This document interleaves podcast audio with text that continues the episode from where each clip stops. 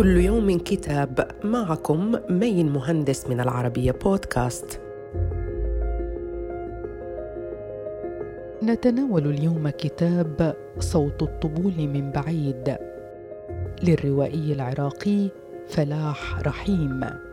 أتت الرواية متصلة بسيرة الكاتب خلال النصف الثاني من السبعينات وبداية الثمانينات والتي تبدأ من نهاية ما سمي بالجبهة الوطنية.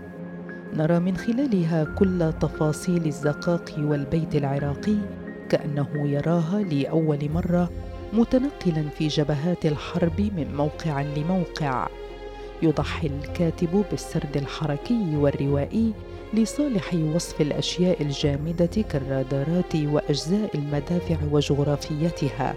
بتفاصيل دقيقة ليكتمل مشهد تصويري لواحدة من أكثر الحروب شراسة في النصف الثاني من القرن العشرين وهي الحرب العراقية الإيرانية في الثمانينات التي شوهت الروح الإنسانية وسرقت سنين من العمر وغاب عنها أي معنى للحياة. صدر الكتاب عن دار الرافدين وإلى اللقاء مع كتاب جديد.